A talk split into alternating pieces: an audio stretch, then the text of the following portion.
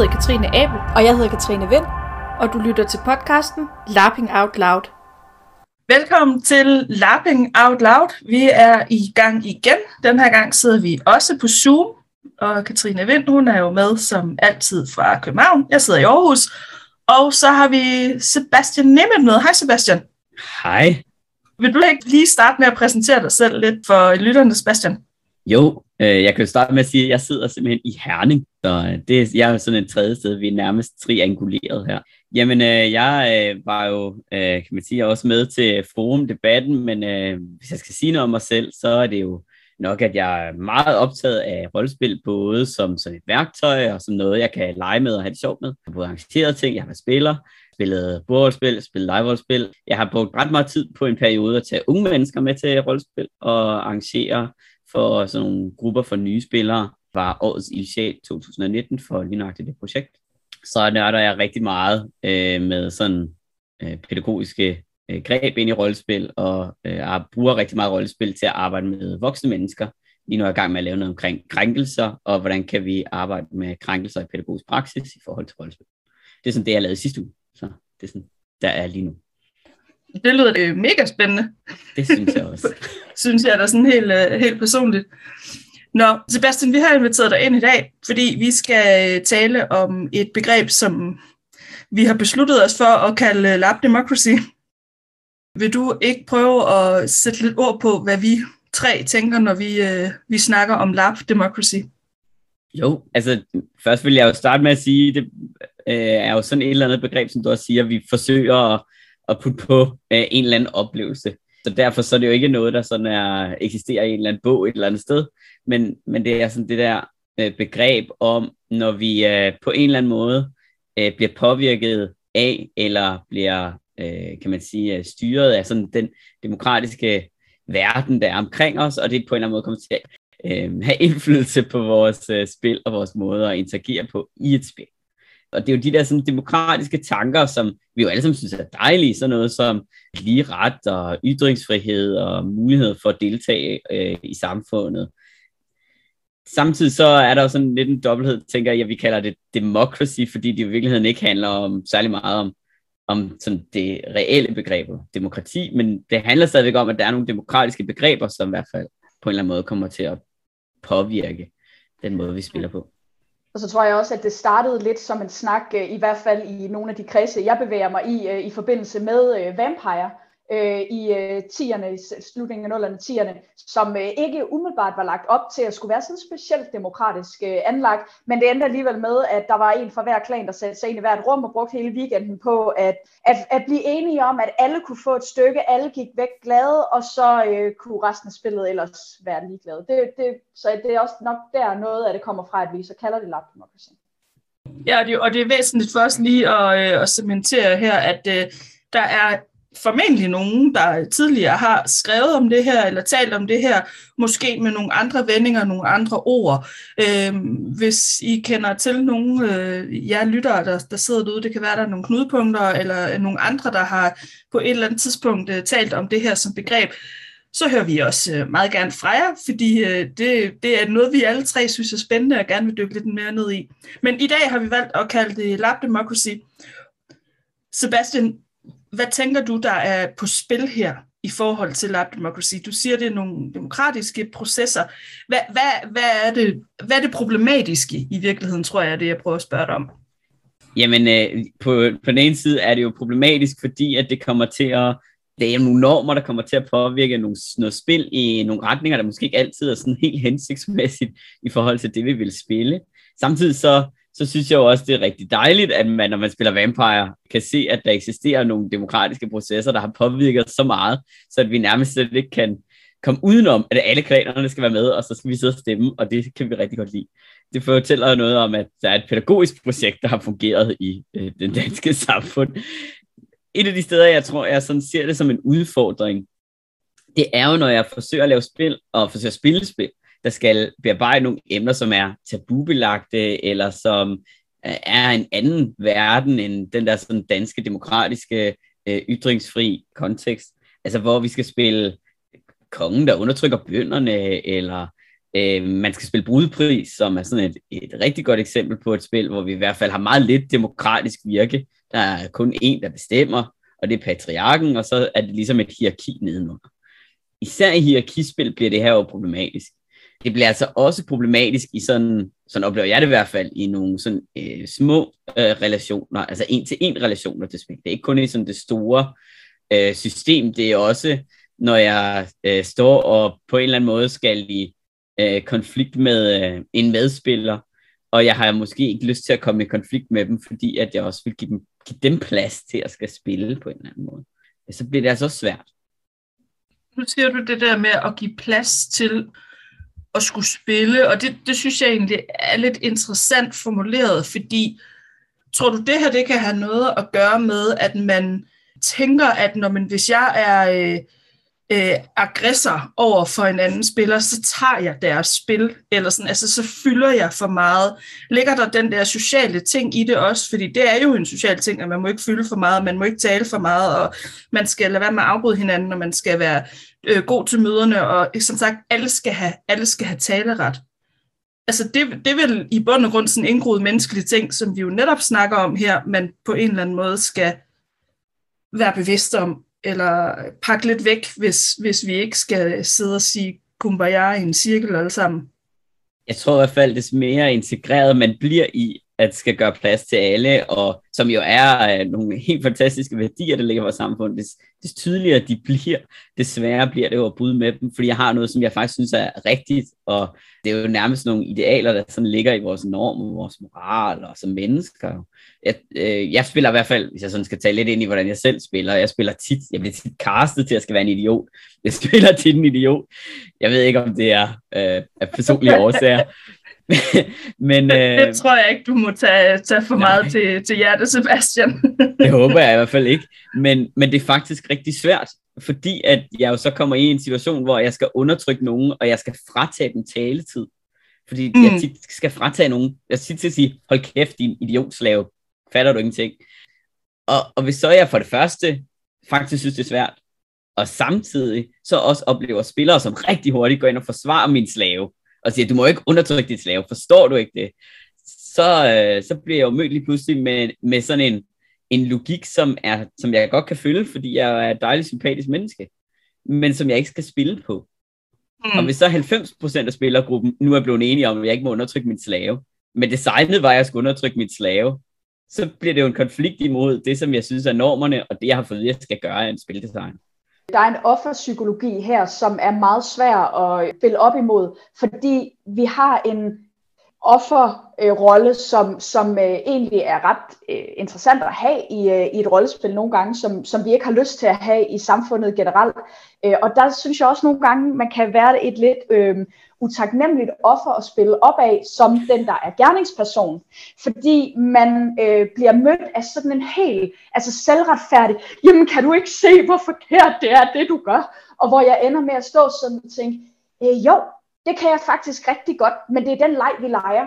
Så øh, det er meget svært at argumentere imod dig lige nu. Og øh, det handler også om, øh, øh, det, vi kommer til at tale om det i senere afsnit, med det her med at spille et øh, engagerende offer og hjælpe sin øh, gerningsperson med at være en god øh, gerningsperson øh, ved at give dem chancer for at vinde over en. Og det gør man altså ikke på den måde, for man kan jo ikke, man kan jo ikke tale op imod den logik. Jeg tror også, fordi at, at vi har de her sådan, øh, øh dyder i samfundet, så er det også svært at stoppe op. Det er faktisk svært for mig, synes jeg, at korte og sige, undskyld, det er bare fordi, det er svært at undertrykke dig nu, så kunne du være nemmere at undertrykke. Altså den off samtale er umulig at have. For den har jeg, jo ikke, jeg har lyst til at spille roller, og vi er blevet enige om, det er sjovt men det er virkelig svært at være den, der skal stoppe. Altså, jeg, jeg oplever tit ofre, som stopper og siger off-game. Jeg føler mig ikke nok undertrykt. Det er kraftigt med svært at have den anden samtale. Ja, det er rigtigt. Jeg har, jeg har også overvejet, øh, øh, eller lidt med tanken om at lave sådan nogle skurkekort, men som man kan have i baglommen, hvor man siger sådan, åh, oh, undskyld, gider du lade være at stoppe den her undertrykkelsessituation lige nu? Vi er faktisk begge to med på det, vi leger lige en leg. Whoop, husk lige, at det er mig, der er bad guy her. Øh, giv mig lige en chance for at være, altså bare et eller andet, der kan indikere, gider du godt, og lad mig gøre det, jeg kan for at være en led satan lige nu. Jeg synes, det er mega interessant, altså som, som et, sådan et, øh, et designlag, men, men faktisk så rammer vi jo ind i lab democracy allerede inden vi kommer til kortene, fordi vi, vi rammer jo ind i, at det jo også er noget ubevidst, vi gør. Vi rammer jo ind i, at jeg, hvis jeg skal trække et skurkekort, så skal jeg være bevidst om, at jeg lige nu står i en situation, hvor jeg rent faktisk har brug for at trække et skurkekort. Men det, jeg oplever, der tit sker med det her øh, demokrati, eller sådan den her, vi, vi tager vores virkelighed ind i spillet, det er jo, det bliver sådan en, en fælles ting, at, at det sker sådan lidt glidende, og det er noget, som sker sådan i fællesskab. Og lige pludselig så står man med et scenarie, som egentlig skulle have været øh, sådan oppression, hardcore på den ene side og så videre. Og lige pludselig står man i et scenarie, hvor man tænker, okay, men hele, hele grundideen her er faktisk ved at lidt smuldre lidt, fordi vi har alle, alle spillerne har lidt accepteret, at vi er gået fra ja, et oligarki til nu har vi lige pludselig et råd for bønderne, og vi har et råd for, for kirken, og vi har et, altså, what, what the fuck happened, ikke? Og, og det er jo faktisk den ting, jeg synes er enormt interessant at kigge på, fordi det sker super tit, uden at vi er bevidste om det. Det er i hvert fald min erfaring. Jeg har, jeg har oplevet det til scenarie. Har I oplevet til scenarie at stå halvvejs i scenariet og så lige pludselig tænke, øh, øh, det var ikke her, vi skulle have været. Altså, jeg har faktisk, jeg har både oplevet det til scenarie, jeg har også oplevet det forud for et scenarie. Jeg har sådan et ja. godt eksempel, synes jeg selv, hvor man skal lave, det er sådan et klassisk teenage drama scenarie, og der skal ligesom til at laves relationer. Og så bliver der lavet sådan en hierarki. Øh, det her er det jogsene, de er ligesom top 1, ja, det her det er bøllerne, de er top 2, det her det er nørderne, det er dem, vi må mobbe. Og så sker der det, at der ret hurtigt er nogen, der skriver, øh, jeg spiller nørd, men jeg har faktisk ikke lyst til at blive mobbet. Og allerede der, så har jeg bare lyst til at skrive, fuck dig, du har valgt at spille nørd, din idiot. Jeg skal mobbe nogen. Og, ja. Men det har jeg ikke lyst til at skrive, fordi jeg er godt menneske, så jeg skriver tilbage. Det, det var helt okay, så lader vi være med at drille dig. Så skriver alle de andre nørder, vi har heller ikke lyst til at blive mobbet. Okay, jamen så ved jeg ikke, hvad jeg skal nu. Fordi jeg har fået at jeg skal spille skolens bølle. Så, så, så må jeg jo bølle nogle andre. Og det er bare mærkeligt nu. Det synes jeg er et mega godt eksempel der er vi så også ved at bygge os ind i en samtale omkring, øh, apropos forventningsafstemning, det der med, hvorfor skriver du dig op til at spille en rolle, hvor øh, faktisk hele grundkonceptet at, at du ikke okay med, eller at hvis du er blevet castet til en rolle, du ikke har det okay med, så sig nu noget, ikke? Skriv til arrangøren og sig, prøv at høre, jeg kan høre designet her, at man skal mobbes, øh, det er mega fedt, men det har jeg faktisk ikke lyst til at have for en anden rolle. Det er jo et stykke arbejde, man som rollespiller kan gøre allerede inden snart, for at undgå det her skred hen imod lab democracy. Ja, og så kan man sige forud i processen. Så kan man jo også prøve det til spil. Jeg har også været til et scenarie, hvor at, øh, jeg var til Damon, som jo egentlig var øh, rigtig fint, og jeg elskede at rende rundt og være i kontakt med min Damon. Men, men sådan halvvejs i løbet af spillet, så bestemmer rigtig mange af spillerne sig for, at de sgu ikke gider det der øh, undertrykkende forsker eksperiment noget, så nu går de ud og holder piknik ude i haven. Og når man så er forskeren, der skal lave nederen eksperimenter for folk, så bliver det lidt sådan, nå okay, men jeg troede, det var det scenarie, vi spillede, så nu ved jeg ikke, hvad jeg skal lave. Så det er rigtig mærkeligt nu. Og så kunne jeg bare være lidt akavet af autistisk nørdetype. Altså på sådan en virkelig overspillet måde. Fordi at alt det, jeg ellers havde, kunne jeg ikke spille på mere. Øhm, Men det er også et godt eksempel på, at man, øh, at man som nu, det, den, den ligger jo, øh, hvad kan man sige, rigtig meget på, øh, på mig, fordi at, øh, at det var mit design, ikke? Øh, men, men den spiltest viste faktisk rigtig godt, at der manglede i meget høj grad alibi, og igen, nu, nu vi råder lidt rundt ned i, at, øh, at der også, hvordan fikser man det. Men der var i hvert fald helt sikkert noget med, at der både skal være mere alibi, både hos den, der skal være nederen, og hos den, der de skal være nederen ved øh, som, som gør, at det giver mening, at man, øh, at man undertrykker sig selv også til det her. Øh, det andet er også, at øh, jeg har oplevet øh, det her være det størst mulige problem, når der er rigtig, rigtig mange danskere til et scenarie. Der er også issues med svenskere, nordmænd, hollændere. Altså det, det findes, og det er meget sådan velfærdssamfunds borgere, som er det. Men jeg har faktisk oplevet det i aller værst grad, specielt når jeg har været GM, Øh, nej, faktisk også som spiller, når, jeg har haft, når der har været rigtig mange danskere til et scenarie. Mm. Det ved jeg ikke, om jeg har samme oplevelse. Jeg vil sige, nu spiller jeg primært med, med skandinaver og, og danskere, men, men også med ja, amerikanere og sydeuropæere osv. Og, så videre. og, og jeg vil sige, de scenarier, jeg, jeg har personligt har oplevet det her mest som sådan et fællestræk, det der med, hvor det bliver sådan en fælles, jeg har lyst til at sige fælles psykose, det er måske også lidt hæftigt, men hvor det bliver en fælles ting. Øh, det har klart været scenarier, hvor der har været øh, en, en overvægt af, af danskere. Helt sikkert. Jeg ved ikke, om vi danskere bare har mere behov for at, øh, være med at stikke snuden for meget i andre sager, og øh, holde os inden for linjerne, og øh, være de der ordentlige, velopdragende mennesker, som, som vores forældre har, har fortalt os. Jeg, det ved jeg ikke. Hvad, hvad tænker du, Sebastian? Jeg tror, øh, jeg tror, der er to dele i det. Jeg tror, noget af det handler om, at man selvfølgelig som skandinavier har rigtig mange af de der værdier, som jo så kommer til at påvirke spillet. Jeg tror altså sådan noget af det handler om, og jeg ved godt, der er nogen, der ikke er enige med mig, fordi jeg har også spillet og sige andre ting. For mig handler det også om, at man har taget alle sine venner med. Og det kan være rigtig svært, ja. og skal være nederen, God når alle ens venner står sammen med. Det er altså mit indtryk. Jeg ved godt, der er nogen, der siger, nej, jeg har meget nemmere ved at være nederen, når mine venner er til stede. Mit indtryk er altså, at når man spiller sammen med alle sine venner, så gør man meget mere ud af at spille sammen med sine venner, end man går ud af at spille det plot eller den setting, vi var en del af. Det er også de spillere, der bagefter siger, nå, det var mega fedt, mand, kan du huske det der, du gjorde? Og, altså, som har haft nogle gode oplevelser, fordi de har spillet sammen i en eller anden gruppe. Ja, absolut, og det, jeg tror, du har helt ret i, at det også er øh, en faktor, specielt fordi, at man har den der, det der ønske om, at ej, så kan vi også lige have de her stærke oplevelser sammen, eller man måske lige opsøger den, man kender lidt bedre, eller ej, jeg vil virkelig gerne over at spille sammen med min kæreste, og sådan noget. Altså, jeg kan da genkende ret mange af følelserne selv, og hvis man så føler, at man er en af de eneste, der går imod det, så står man både og bliver hadet in-game, skal stå og skændes med sine off-game venner, og man har ikke haft de der stærke bonding-oplevelser, så det, mm, det kan godt være, det er egentlig meget god pointe, at det er ikke sikkert, at det er danskere, men det er rigtig meget, det er venner. Så ja, det er i hvert fald noget med, når der er meget mix, så synes jeg, det er bedre det kan vel egentlig også være sådan en, øh, en underbevidst ting, altså det der med, at man føler sig mere på glat is, når man er et sted, hvor der ikke er venner, og der er ikke lige så meget at miste. Sådan, altså at, at det bliver sådan en, om okay, men så tør jeg godt, jeg tør godt gå lidt mere på kompromis med, hvem jeg er som menneske, når nu jeg er i et forum, hvor, hvor jeg alligevel ikke har nogen at læne mig op af, og hvor jeg måske ikke altså, herregud, så, så bliver jeg ikke bedste venner med alle dem her, fordi de ikke ser mig fra den pæneste side. Vi vender jo lidt tilbage til det, der vi talte om tidligere med social kapital også, at, øh, at jamen, hvis man har nogen, man gerne vil spille med, eller man har nogen, man gerne vil, jeg har lyst til at sige imponere, det synes jeg i virkeligheden ikke er det rigtige ord, fordi det er jo ikke nødvendigvis noget, der sker bevidst, men hvis man har nogen, man gerne vil tilnærme sig i spillet, så kan det være rigtig svært at gøre det som et kæmpe røvhul. Men omvendt må jeg jo bare sige, nogle af de fedeste oplevelser, jeg har haft, hvor jeg bagefter har tænkt, det der det er et menneske, jeg gerne vil lære bedre at kende, det har netop været dem, som har kunne spille de her gigarøvhuller.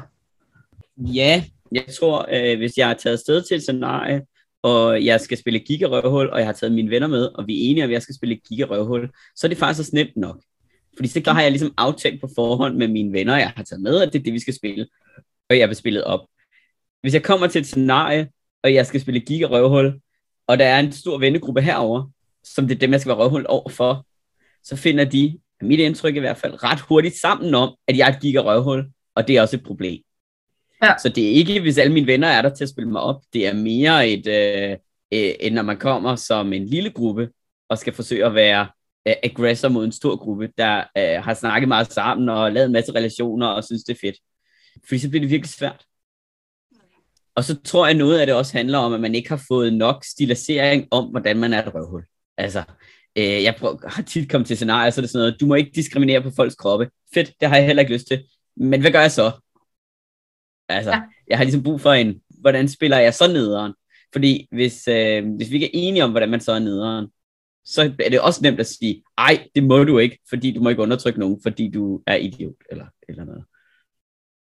Der tæller du jo også ind i hele denne her meget store bølge af fokus på agens, som der har været i rollespil i de sidste 10 år eller sådan noget. Ikke?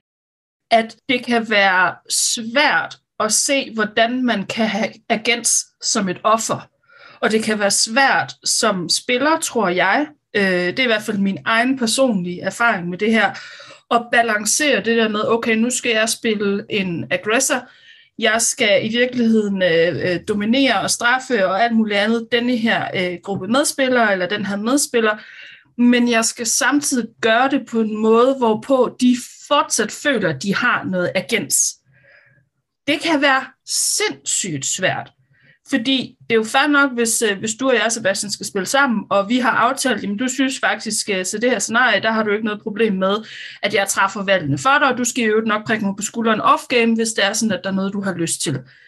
Fint nok, men det ændrer jo ikke på, at jeg gennem de sidste 10 års rollespil har fået at vide, husk nu, agens er det vigtigste, vi har som rollespillere. Altså, så er det jo stadig inde i mig, at jeg skal minde mig selv om, at jamen, Sebastian har al den agens, han har bedt om, fordi han har sagt til mig, jeg skal nok sige fra, hvis der er noget, jeg skal nok kalibrere med det off-game, så bliver det jo stadig en ting ind i mig, at, at den skal jeg hele tiden have med mig. Fordi vi er så vant til at tale om agens som det vigtigste, man har som rollespiller. Jeg får sådan lyst til at smide noget ud. Jeg tror også, det er et kønsspørgsmål. Jeg tror, det er meget nemmere at være øh, etableret maskulin i miljøet og skulle være aggressor over for nogen, end det er at være kvindelig spiller i miljøet og skal være aggressor over for nogen. Og det tror jeg, fordi at vi i vores sociale normer har tendens til at sige, at kvinder, det er så nogen, der tager sig af det sociale og det omsorgsfulde, og mænd, det er så nogen, der godt må gå på arbejde og komme hjem og være nederen. Altså, altså det, er sådan, det er sådan en social norm, som heldigvis er ved at blive brudt i vores samfund, men som stadigvæk er ret tydelig, og den fylder altså også i vores rollespilsmiljø når jeg sådan selv tager til live så ser jeg faktisk øh, kvinder i magtpositioner, som bliver meget tydeligere mødt med, ej men kæft, du er også skinner nu, eller stop nu lige med at være øh, på den der måde, og får meget kritik på deres måde at spille på, på en helt anden måde end mænd, som er i de der aggressor eller magtpositioner.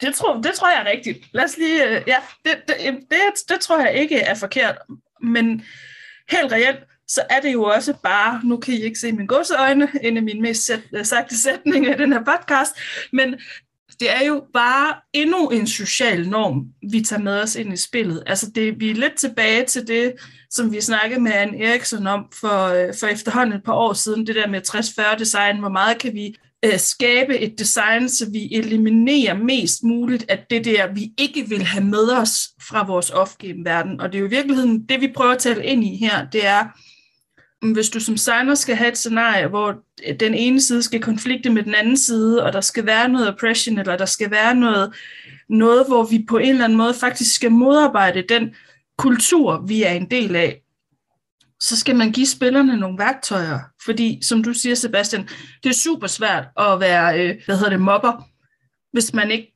lige, nå, men jeg må ikke på tøj, fordi jeg må ikke mobbe på kostymet, fordi vi har ikke alle sammen øh, de samme forudsætninger for at lave et kostume eller købe et kostume. Jeg må ikke mobbe på kroppen, fordi det giver mening, det er super nederen, det er en krop, vi er født i, den kan vi ikke bare lige lægge væk fra os, når vi går ind i en rolle. Jeg må ikke mobbe på dog, jeg må godt lidt op på, hvad folk siger, fordi det er de trods alt valg. Men jeg skal også passe på ikke at være for hård, fordi det er ikke alle, der tænker lige hurtigt, når de skal sådan improvisere on the feed. Og, altså, det er lige pludselig meget begrænset, hvad man egentlig har arbejdet med, med mindre designeren kommer med noget.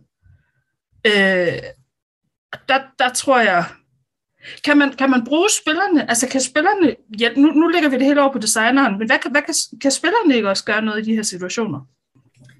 Øhm, altså jeg tror både det handler om at kalibrere ordentligt internt, øhm, og så handler det faktisk også om, at spillere er gode til at byde ind med, jamen hvad tænker vi kunne være en god strategi for øh, at signalere, hvis vi går sådan tilbage til high school scenarierne, det er fordi, dem synes jeg, at de er så firkantede, så det er sådan et nemt eksempel. Det der med, hvornår er nogen lækre på high school? Altså, hvordan kan vi signalere det? Og der kunne man jo godt lægge op til spillerne. Hvad er et kostymevalg, som alle kan tage med? Jeg ved, da vi spillede Lindingen for nogle år siden, der havde de øh, sådan nogle, øh, der havde man sådan nogle, hvad hedder det, chokers på. Og des mere lækker man var, des pænere var ens choker. Og så var den jo ligesom købt til 10 kroner et eller andet sted, eller sådan noget. Altså, så blev der sådan et eller andet arbitrært, øh, som alle kunne anskaffe sig. Så på den måde, så tror jeg også, at man kan bryde noget af det her, ved at lægge op til spillerne, jamen hvad er det faktisk for nogle øh, elementer, vi skal have med, som skal undertrykkes på, og hvad kan alle have med som sådan et designvalg. Men så skal man altså som designer også lytte til sine spillere. For det er jo så den anden del af det. Det er, at som spiller, så øh, kan man også have lyst til at komme med en masse forslag, men hvis man bliver mødt med et, der kan, bliver man nemlig ikke mødt særlig demokratisk, er min oplevelse. man kan godt blive mødt med sådan et, det er vores design, det er sådan, det er. Okay, jamen så kravler, så, så co-creator vi i hvert fald ikke. Så kravler jeg over hjørnet igen. Øh, det er måske også fair nok. Han skal også have lov til at bearbejde sit design. Prøv at høre, jeg bliver så demokratisk nu. Jeg siger også, skal have lov til at bevare sit design og alt sådan noget. Men der kan jo også være noget opfordring mellem hinanden til, at, altså, øh, jeg plejer at sige til, for eksempel til, til introen til Demon, be unreasonable, be, uh, be unfair. Altså, men for mig at se, det er der altså ret mange, der er ret gode til, men man bliver bare fuldstændig undermineret af, igen, den der helt selvretfærdige, jamen hvordan kan du dog finde på det, og kan du ikke se, hvor forkert det er? Altså, jeg synes virkelig, der er et stort ansvar her på dem, der skaber det der demokrati, og ej, hvor er det også synd for slaven, og sådan noget, at lige holde sig tilbage en gang, og måske nogle gange hjælpe med, at undertrykke. Og igen med, med lab democracy, hvis nu alle øh, primogenerne i et vampire-scenarie sidder og siger, ja, vi skal jo alle sammen have noget, øh, at, at så har, hvad, hvad skal prinsen så gøre for at undgå, at det sker? Så vi, vi kan ikke, man kan ikke gøre det alene så, øh, i, i den der struktur. Man er nødt til på en eller anden måde at have en fælles forståelse af det. Både, der må ikke være nok til alle, Øhm, behøver det være noget, der er konkurrence om? Jamen måske ikke, men, men hvordan sørger vi for, at vi løfter dem, som faktisk skulle vinde den nedre del af det her scenarie? Jeg kunne også godt tænke mig, at flere scenariespillere øh, eller deltagere øh, overvejede, at det faktisk er fedt at være aggressoren. Det er faktisk er fedt at være kejseren eller kongen, sådan som man bestræber sig opad, i stedet for hele tiden at forsøge at alliere sig med bunden. Fordi det er jo, altså, hvis det er det spil, vi skal spille i hvert fald, så er det jo mærkeligt, at man vælger at alliere sig med bunden så burde man jo alliere sig med kongen. Øhm, og jeg tror, jeg tror også, at vi kommer så langt væk fra det der feudale samfund i Danmark, så det er svært for os at forholde os til, hvorfor der ikke er nogen, der laver revolutionen. Altså, vi har sådan, vi vil så gerne. Jeg vil også gerne lave revolutionen. Ja, for spørgsmålet også der, det er, det er faktisk mere sådan et oplæg til jer. Øhm, er der måske også sådan en eller anden form for anti-autoritær altså holdning, i hvert fald i rollespilsmiljøet i Danmark, at, øh, for mig at se, så er det i hvert fald sådan noget med, ah, at hvis der er nogen, der sidder på toppen, så i stedet for at prøve at sokke op til dem og få en del af den magt, så er det, at vi skal helst vælte dem, fordi vi er jo ikke lige, men det kunne vi blive, eller vi respekterer ikke dem, der er bygarden, eller dem, der er på rumstationen, som skal holde orden, eller altså, der er sådan en eller anden form for anarkisk, ja, vibe, jeg ved ikke, hvad jeg tænker. Jeg, helt personligt, så synes jeg, jeg har oplevet den lidt todelt. på den ene side, så er der det der, hvor arrangør har, har brug for at gå ud og sige, det her scenarie handler ikke om oprør. Og alligevel er der fem spillere, som synes, det skal handle om oprør. Ikke? Det er jo bare et, øh, et bevis på, at der er et issue her, som er værd at adressere.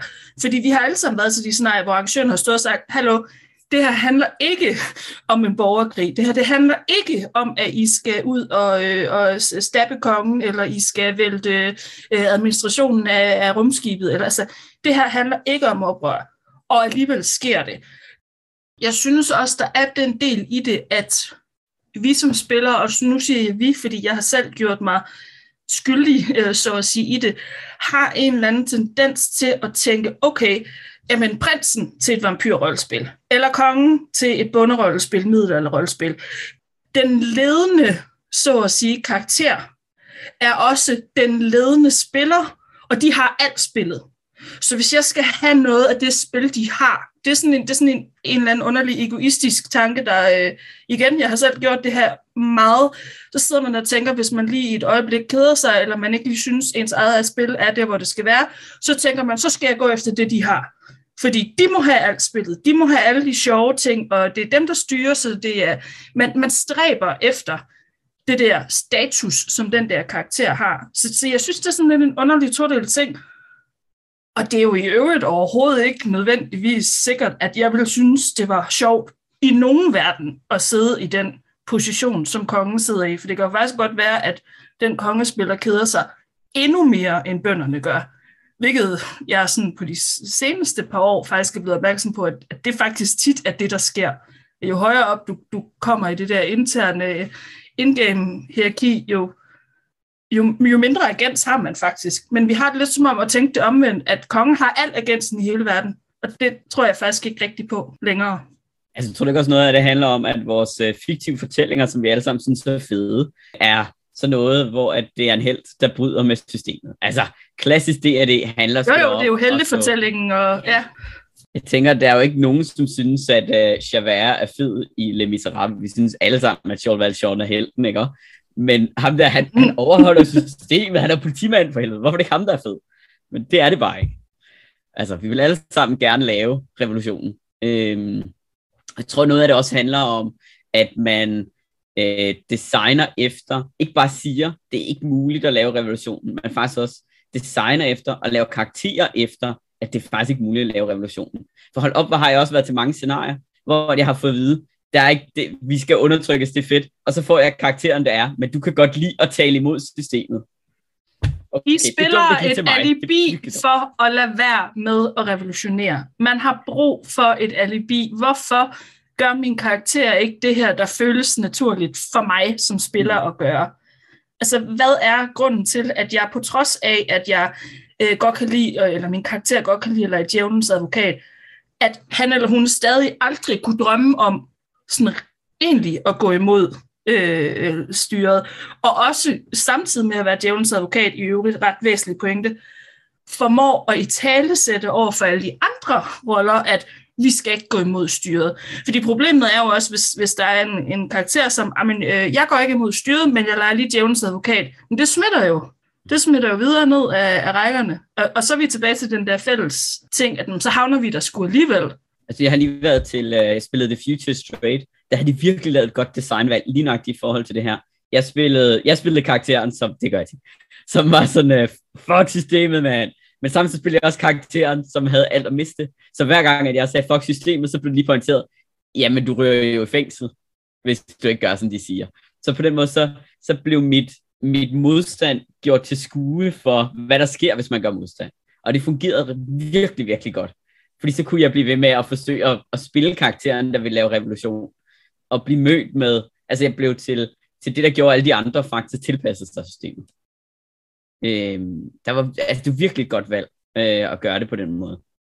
Jeg synes også, der, der var også udfordringen, at der var nogen, der blev lidt for gay. Altså, som blev ved med at forsøge at leve ind i den der sådan, verden, selvom man godt vidste, man ikke måtte. Øh, men, men heldigvis så formåede man at gøre det i det hemmelige. Fordi der er også noget med, den hemmelige græsrødsrevolution må jo godt eksistere. Den skal bare ikke blomstre. Ej, bare den så ikke kommer til sidst, og sådan, ej, vi klarede det lige helt til sidst alligevel, og I har ikke hørt fra os overhovedet på noget tidspunkt i scenariet. Vi anede nærmest ikke, I eksisterede, og nu øh, er I jo færdige. Det scenarie spillede jeg for 10 år siden, øh, og øh, det er rigtig noget. Nu, nu reddede vi, apropos Helle fortællingen, nu reddede vi lige alle. Øh, det scenarie, hvor jeg virkelig oplevede det her lab democracy, sådan, eller hvor, hvor det gik op for mig, hvor stor en ting det egentlig er, det var da jeg spillede uh, Dit Spoils of War, Katrine, uh, for uh, nogle år siden. Og jeg synes egentlig, at scenariet i sig selv var meget tydeligt rammesat. Her der er nogen, der har tabt en krig, og der er nogen, der har vundet en krig. Scenariet hedder Spoils of War. Vi starter lige efter krigen. Jeg ved, om vi skal have fordelt nogle, nogle spoils. Jeg spillede personligt det scenarie med en forventning om, at nu skulle jeg sætte med tab. Fordi jeg var på den tabende side. Nu skulle jeg have frataget øh, øh, ting, og øh, øh min datter, hun skulle da giftes væk mod min vilje, og min bog, den skulle da inddrages til et eller andet administrationsbygning øh, for den vindende side. Og, altså, det, det, var ligesom, det var ligesom, jeg tænkte om, det, det var forventningen. Det var et røvfedt scenarie, og I har hørt mig tale om det tidligere, det var en pissefed oplevelse. Men det var ikke et scenarie, hvor jeg følte, at jeg havde tabt noget som helst, da jeg gik derfra igen. Og det var ikke et scenarie, hvor jeg oplevede at have denne her fornemmelse af at være, altså blive brugt lidt som den der taber-minion, man egentlig havde forventet, man skulle. Og jeg tror i høj grad, at det har at gøre med, at vi jo netop tænker, uha, jamen vi skal, vi skal sørge for, at alle spillerne har, har gens. Vi skal sørge for, at vi kan ikke bare øh, gifte de der øh, unge mennesker væk imod deres vilje, fordi hvis vi skal det, så skal vi også lige kalibrere med dem off-game. Det bliver lidt besværligt måske, hvis ikke lige vi sådan, øh, bruger de, og nu vil jeg faktisk lige sige øh, til Katrine og, øh, og Mortens øh, forsvar her, der var sat rigtig mange værktøjer øh, frem til os til at forsøge at lave de her off-game kalibreringer. Det var bare ikke lige os alle sammen, der formåede at bruge dem. Men der talte vinder jeg nemlig også efterfølgende om, at jamen, jamen, altså, hvad er det, der sker? Hvor, hvorfor havner vi i sådan en fælles ting med, at nu skal retssagerne pludselig være enormt demokratiske, og alle skal have lov til at bringe beviser, og alle skal have lov til at tale, og øh, vidnet skal have lov til at forsvare sig selv, og der skal sådan dokument, dokumentations- og bevisføres, og hvor man sådan, men hvorfor egentlig? Krigen er jo vundet. Det er jo lige meget. Krigen er vundet. Altså, og jeg synes bare, det er super interessant der er en, et fokus på agens der, som er, som er rigtig vigtigt, også i designet. Og altså nu er det igen, altså det er, det er ikke sådan specielt sjovt at sidde og hakke to af mine egne scenarier ned på den måde i vores podcast, men jeg synes kun, det er fair, for jeg mener faktisk, det er noget, designere skal tænke over. Fordi jeg igen tænkte, jeg har virkelig sat nogle ting op, som skulle være tydeligt, hvorfor skal det være sådan og sådan.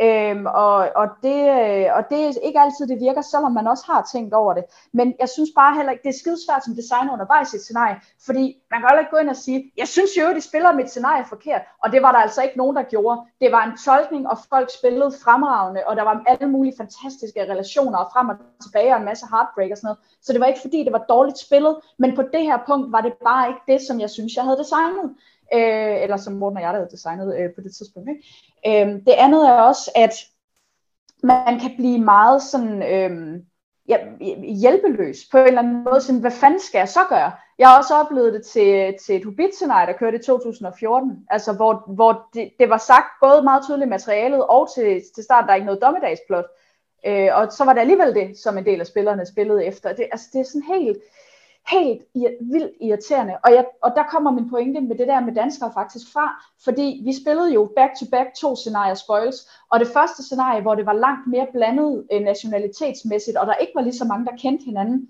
der var det altså meget mere Nordic lab og ikke så meget lab-demokrati og sådan noget. Og det kan jo være et tilfælde, der kan være alt muligt på spil.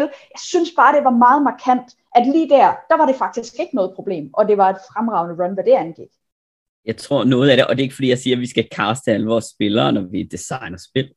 Nogle skal vi nok måske kaste, det ved jeg ikke. Men noget af det handler altså også om de spillere, man har til stede, og, og hvad deres relationer er, og hvordan de fylder et rum. For jeg vil sige, både til spoils og også til andre, nu har jeg også været med til det der spoils run, til, også til andre scenarier. Der sker i hvert fald det for mig, at jeg får utrolig meget taletid, lige meget hvor inkompetent en karakter jeg spiller. For lige nøjagtigt til det der spoils, altså jeg var med i alle retssagerne. Jeg lavede ikke andet end at stå og råbe højt, at være fuld og vælt rundt og være irriterende. Og på en eller anden måde, så var der bare ikke nogen, der lukkede det ned. Der var faktisk ikke nogen, der sagde, så holder du kæft over i hjørnet. Jeg kørte den retssag mere, end dem, der kørte den. Um, og, og der laver jeg også et greb der, fordi jeg er rigtig dygtig retoriker, når jeg vil. Uh, ikke altid, men når jeg vil. Så, så der laver jeg også nogle retoriske greb, der kan være svære at modstå. Altså det kan være svært at gå imod. Jeg har også spillet Necromanceren, der faktisk fik lov til nærmest at stå og grave lige op ude på kirkegården, for lige pludselig virker det som en god idé vi fik bare solgt det som en god idé, selvom vi alle sammen var enige om, det var en god idé. Så der er også noget med, at man som spiller måske kan blive grebet for meget af, kæft det kører for min karakter det her, og skal trække sig tilbage og sige, hov, prøv at vente, det var jo egentlig mig, der skulle tabe. Det glemte jeg lige, fordi jeg var ved at vinde her. Ja, mega mange gange, ja. Fordi noget af det, som jeg også øh, oplever, det for eksempel efter sådan en omgang, så sætter jeg jo også mig selv ned og tænker, okay, Katrine, hvad, hvad, hvad er dit lod i det her? Fordi det er jo ligesom en leg, vi leger. Du har også været med til det.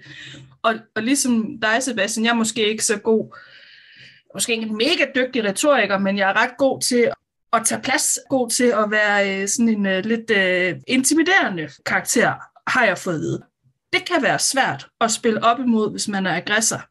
Ikke? Fordi hvis, hvis du spiller op imod en, som er super intimiderende, eller en, som øh, står fast, eller siger sin mening, eller siger sin mening højt, så har vi lidt sådan en, så skal jeg sige min mening højere, eller så skal jeg være mere intimiderende, eller jeg skal være mere aggressiv, eller jeg skal, jeg skal mene ting mere end den anden. Og det jo, kan man jo sige, det er jo sådan set også rigtigt nok en situation, hvor du skal vinde et debat, eller et skænderi, eller et eller andet. Det, jeg synes, der er interessant, det er at gå lige skridtet tilbage og sige, men hvorfor skal jeg overhovedet acceptere præmissen om det her, den her debat eller det her skænderi? Fordi i det her design, det specifikke design, vi taler ind i nu, der var kampen allerede vundet.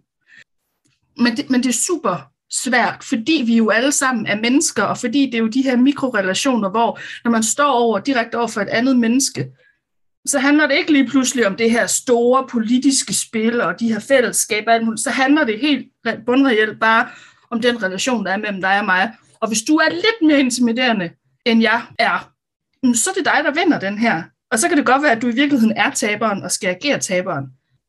Sebastian, jeg synes også, du havde en rigtig interessant pointe i det der med casting. Ikke? Altså, jeg insisterer mm. jo meget på, at jeg vil have lotteri, fordi at jeg vil gerne give chancen til nogen, også jeg ikke kender, også i nogle ret øh, voldsomme roller og sådan noget. Og det, øh, det, det kommer jeg ikke til at gå væk fra, men jeg kan virkelig godt forstå, at der er nogle gamer, der tænker, jeg vil være sikker på, at det her, det her, det her kører præcis, som jeg havde tænkt. Men jeg vil faktisk også sige, at lige præcis det er sådan noget som Spoils, jeg fortryder ikke en eneste casting der, og jeg er så glad for alle dem, der er kommet med, fordi for eksempel vil jeg jo ikke tænke om, om dig, at du ikke ville spille det, som karakteren er lagt op til. Og det er også bare, jeg synes, det er bare en god pointe, det der med, nogle gange sker det bare. Altså man kommer derhen, og så er man måske lidt dygtigere, end ens karakter burde være til sådan og sådan. Så, så det vi vil have brug for, det er værktøjer et til at være opmærksom på det, og to, hvad kan man så gøre for at, at prøve at hjælpe det på vej? Ikke? Mm. Jeg tror, en af de ting, som jeg synes er rigtig dejligt til rigtig mange scenarier, det er blandt andet sådan noget som relativt åbne karakterer. Sådan så jeg hele tiden ved, hvem er det faktisk, der er bøllen? Hvem er det faktisk, der øh, jeg kan spille op imod, og hvem kan jeg ikke spille op imod? Sådan så jeg ikke falder i den der, som du også taler om, øh, Abel, den der, hvor jeg står over for et andet menneske, og skal aflæse det andet menneske. Fordi jeg hele tiden på en eller anden måde kan have i baghovedet, når ja, men det er ham, der er lord et eller andet, og han har så så meget kontrol over noget, som jeg ikke har kontrol over. Så jeg hele tiden bliver mindet om, hvem var det faktisk, der var hvem, og hvem er det egentlig, jeg skal gå imod eller ikke gå imod. Men samtidig så vil man jo gerne immerse sig og glide ind i illusionen og bare være til stede. Jeg tror virkelig, jeg øh, selv falder ind over det der med at være den, den stærke stemme, selvom jeg ikke skal være det. Man kan sige, at til brudpris, der fik jeg også fuldstændig undermineret min egen far, og det skulle jeg jo virkelig måske ikke helt have gjort. Men der er også bare brug for, at man så kan stoppe op og sige, hey, nu bliver det for demokratisk, eller nu tager du for meget kontrol, eller, øh, og jeg tror, det vender mig tilbage til der, hvor jeg startede. Det er sindssygt svært at være aggressoren og sige, du, du lader dig ikke undertrykke nok. Jeg har behov for at undertrykke dig mere. Eller, altså, fordi det er en svært dialog at gå ind i. Ja, og der er vi jo der, hvor der er man jo nødt til at kigge på det specifikke scenarie. Fordi det kan jo være super forskellige greb, der skal til i forskellige kontekster. Jeg tænker, at til, øh, til sådan noget som eksempelvis Spoils of War, der, der kunne man jo i princippet have i tale sat det indgame. Altså i princippet kunne man jo godt, som, som aggressor har sagt, altså hvad sker der for, at vi lige pludselig skal sidde og holde møder om alting, og hvad sker der for, at det her pludselig er blevet til sådan et demokratiting? Vi har vundet den her krig. Det her, det er vores ret. Og det kan man sige, det vil være en fin måde at sætte det på, men, men, men det kræver også, at der er nogen, der griber den. Altså det kræver også, at, at man på en eller anden måde så kan formå at kalibrere det. Men, men i en situation, hvor Sebastian, vi sad og talte lidt uh, her, uh, inden vi, uh, vi tændte for optagelsen, du kom med et eksempel, du havde til et scenarie, hvor i havde talt om at skulle dræbe nogle klanældste eller et eller andet. Øh, altså, der kan man sige, der, der bliver det jo lige pludselig svært at sidde og sige, Nå, men øh, jeg synes, vi skal lade være med at være demokratiske, så nu skal vi bare slå folk ihjel. Ikke? Så det er jo virkelig formålsspecifikke værktøjer, vi skal have fat i. Man kan sige, at det eksempel, jeg kom med der, var det jo til Time and Tide, hvor der er to klaner, der skal mødes hinanden, og så skal de blive enige om nogle værdier. Og den ene klans værdi var, at man lavede efterstup, så der var nogle gamle, de skulle ligesom gå i skoven og dø, når de mm. ikke kunne bruges til noget mere. Og så skal vi alliere os med den anden klan, og så er det noget, det vi skal, skal diskutere. Det er, hvad gør vi med de gamle? Og der skete ret hurtigt det, at hele min klan, som var dem, der slog de gamle ihjel, de vendte sig og sagde, nå nej, vi kan jo ikke slå de gamle ihjel. Og jeg tænker, det er fordi, der var en spiller i rummet, som spillede gammel. Og lige pludselig blev det personificeret, at det var den der spiller, som vi nu havde tænkt os at slå ihjel. Og det kunne man faktisk ikke være i. Og det, det er så men, hvor er det dejligt medmenneskeligt, man har det sådan. Men der bliver det ja. rigtig svært at stoppe op og sige, hey, prøv lige at vente lidt. Det er bare fordi, det har vi jo, det var det, der står i vores kontrakt, vores klan-kontrakt. Det var jo det, var det, vi gjorde. Altså, det var vores værdi for fanden. Jeg tror, det er fordi, man ikke kan eje den værdi som menneske, man kan eje den som karakter. Altså, bliver det, nemt. det bliver nemmere at gå på kompromis med noget, det kunne det min karakter, der ejer. Jamen, og så spiller vi jo også bare nogle gange imod noget, der ligger sådan helt indlejret i os som mennesker. Altså, så det er jo bare svært. Det er jo ikke, det er jo ikke vi skal ikke sidde her og, og lige beslutte os for, hvor nemt det er, fordi det er jo ikke nemt. Hvad tænker I? Nu har vi snakket lidt om nogle eksempler, vi har snakket lidt om, øh, hvad der sker, har vi nogle sådan konkrete værktøjer til at kunne hvad kan man sige, designe sig øh, rundt om den her problematik? Et godt designgreb, tror jeg, det er at gøre øh, situationen for karaktererne tydeligt hele tiden. Så hvis vi har nogen, der skal undertrykkes, så skal det faktisk være synligt og tydeligt for alle, at de er undertrykt. Øhm, for eksempel, så går vi tilbage til Spoils of War. Der havde, ved jeg, samtaler på et tidspunkt. Hvad skulle de gøre, og hvordan skulle de fordele? Jeg ville da have ønsket, at den samtale havde forgået, hvor alle var inviteret, og alle dem, der var undertrykt, de skulle sidde ude i hjørnet og lytte, mens at deres værdier blev fordelt. Fordi så får man virkelig den der oplevelse af at være undertrykt. Jeg ville da have ønsket, når jeg tager til scenarier, hvor at øh, nørderne skal mobbes, at man som designvalg også har sagt, at det her bord, som står over i hjørnet, det er der nørderne skal sidde nu. Og at man gør det tydeligt i fiktionen, hvem er det, der er øh, hierarkisk i en eller anden position. Men også, at hvis det, hvis det ikke er undertrykkelse i sådan et stort hierarkisk spil, men at det er sådan interpersonelt, at man gør nogle greb for designmæssigt også, at gøre det tydeligt, hvem det er, der jogger på hvem. Men det er jo bare tydeligt, at det ikke er nok. Så hvad kan man gøre som spiller? Hvis vi snakker spillere, så tror jeg, at, øh, og det har vi jo kredset lidt om, det er noget med både at øh, lade være med at tage alle sine venner med, fordi man gerne vil score kar, men faktisk at tage nogen med, man gerne vil spille med. Altså prøv at overveje, jamen øh, skal jeg spille kæreste i et øh, voldsomt forhold med øh, den der person, jeg også har lyst til at score off-game? Altså gør også nogle reelle overvejelser over, hvad er det lige, jeg øh, træder ind i, og hvordan sikrer jeg, at jeg faktisk er, er, har et godt spil, men også spiller det, jeg skal spille. Og, og så at man ikke tilmelder sig som noget, man ikke har lyst til at spille. Jeg tænker også, at som spiller kan man hjælpe med at tale ind i hele den her forventningsafstemning.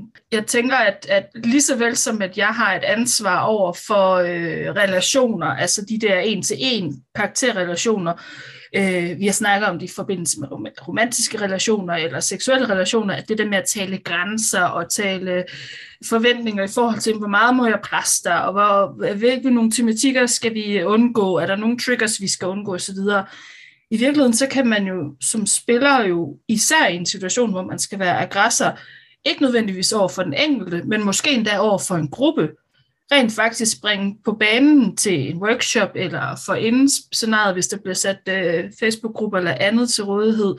Og igen, og designeren er med på, at det her det er noget, som, øh, som der kan åbnes op for. Det er jo der også nogle designer, der ikke vil være interesseret i, fordi de vil gerne have hånd i hanke med de snakke, der er i scenariet. Igen, det er meget øh, situationsspecifikt. Men som spiller, tag det ansvar med dig også, at hvis du har fået en karakter, hvor du kommer til at skulle sidde i nogle situationer, hvor du er bekymret for, at der er nogle andre spillere, der mister noget agent på baggrund af nogle valg, du træffer. Prøv at tage snakken op front, hvis man kan. Og igen, det er jo heller ikke alle spillere, der gider at kalibrere inden scenarier. Og, og, øh, det her det er ikke bare, igen, det er ikke, det er ikke for at sidde og sige, at det bliver nemt. Men, men jeg tror, jo mere vi taler om det, jo nemmere bliver det. Jeg tror bare det, at vi i det hele taget har den her snak, og vi har den her forståelse for, at det her det er en tendens, og det her det er noget, der kan ske til et scenarie, hvor der skal være noget konflikt, så tror jeg fandme, man er langt allerede. Øh, et, sådan en anden ting, som, som jeg synes uh, sker meget for mig til scenarier, det er, at jeg skal undertrykke nogen, eller jeg skal spille skurk, eller jeg skal spille nederen, det skete blandt andet til Damon, så kommer der rigtig mange spillere hen og siger, at det kunne bare være mega fedt, hvis du vil lave onde ting mod mig. Og så tænker jeg, fedt, den gamle forsker, så jeg kommer aldrig til fysisk at tvinge dig i en situation.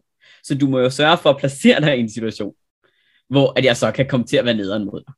Øh, man ligger rigtig meget ansvaret over på den der, øh, der skal være aggressoren som øh, og det er sådan lidt ud af et tidsspring, men der er bare noget med, hvis du har lyst til at blive undertrykt, så må du også spille situationerne op, sådan så du kan komme i den kontekst, hvor du bliver undertrykt.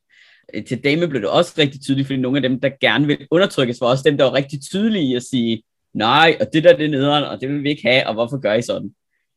Det er bare fordi, så kommer jeg aldrig til at have lyst til at spille dig op, hvis du starter med at møde mig i en konflikt, der ikke passer ind i det spil, vi spiller.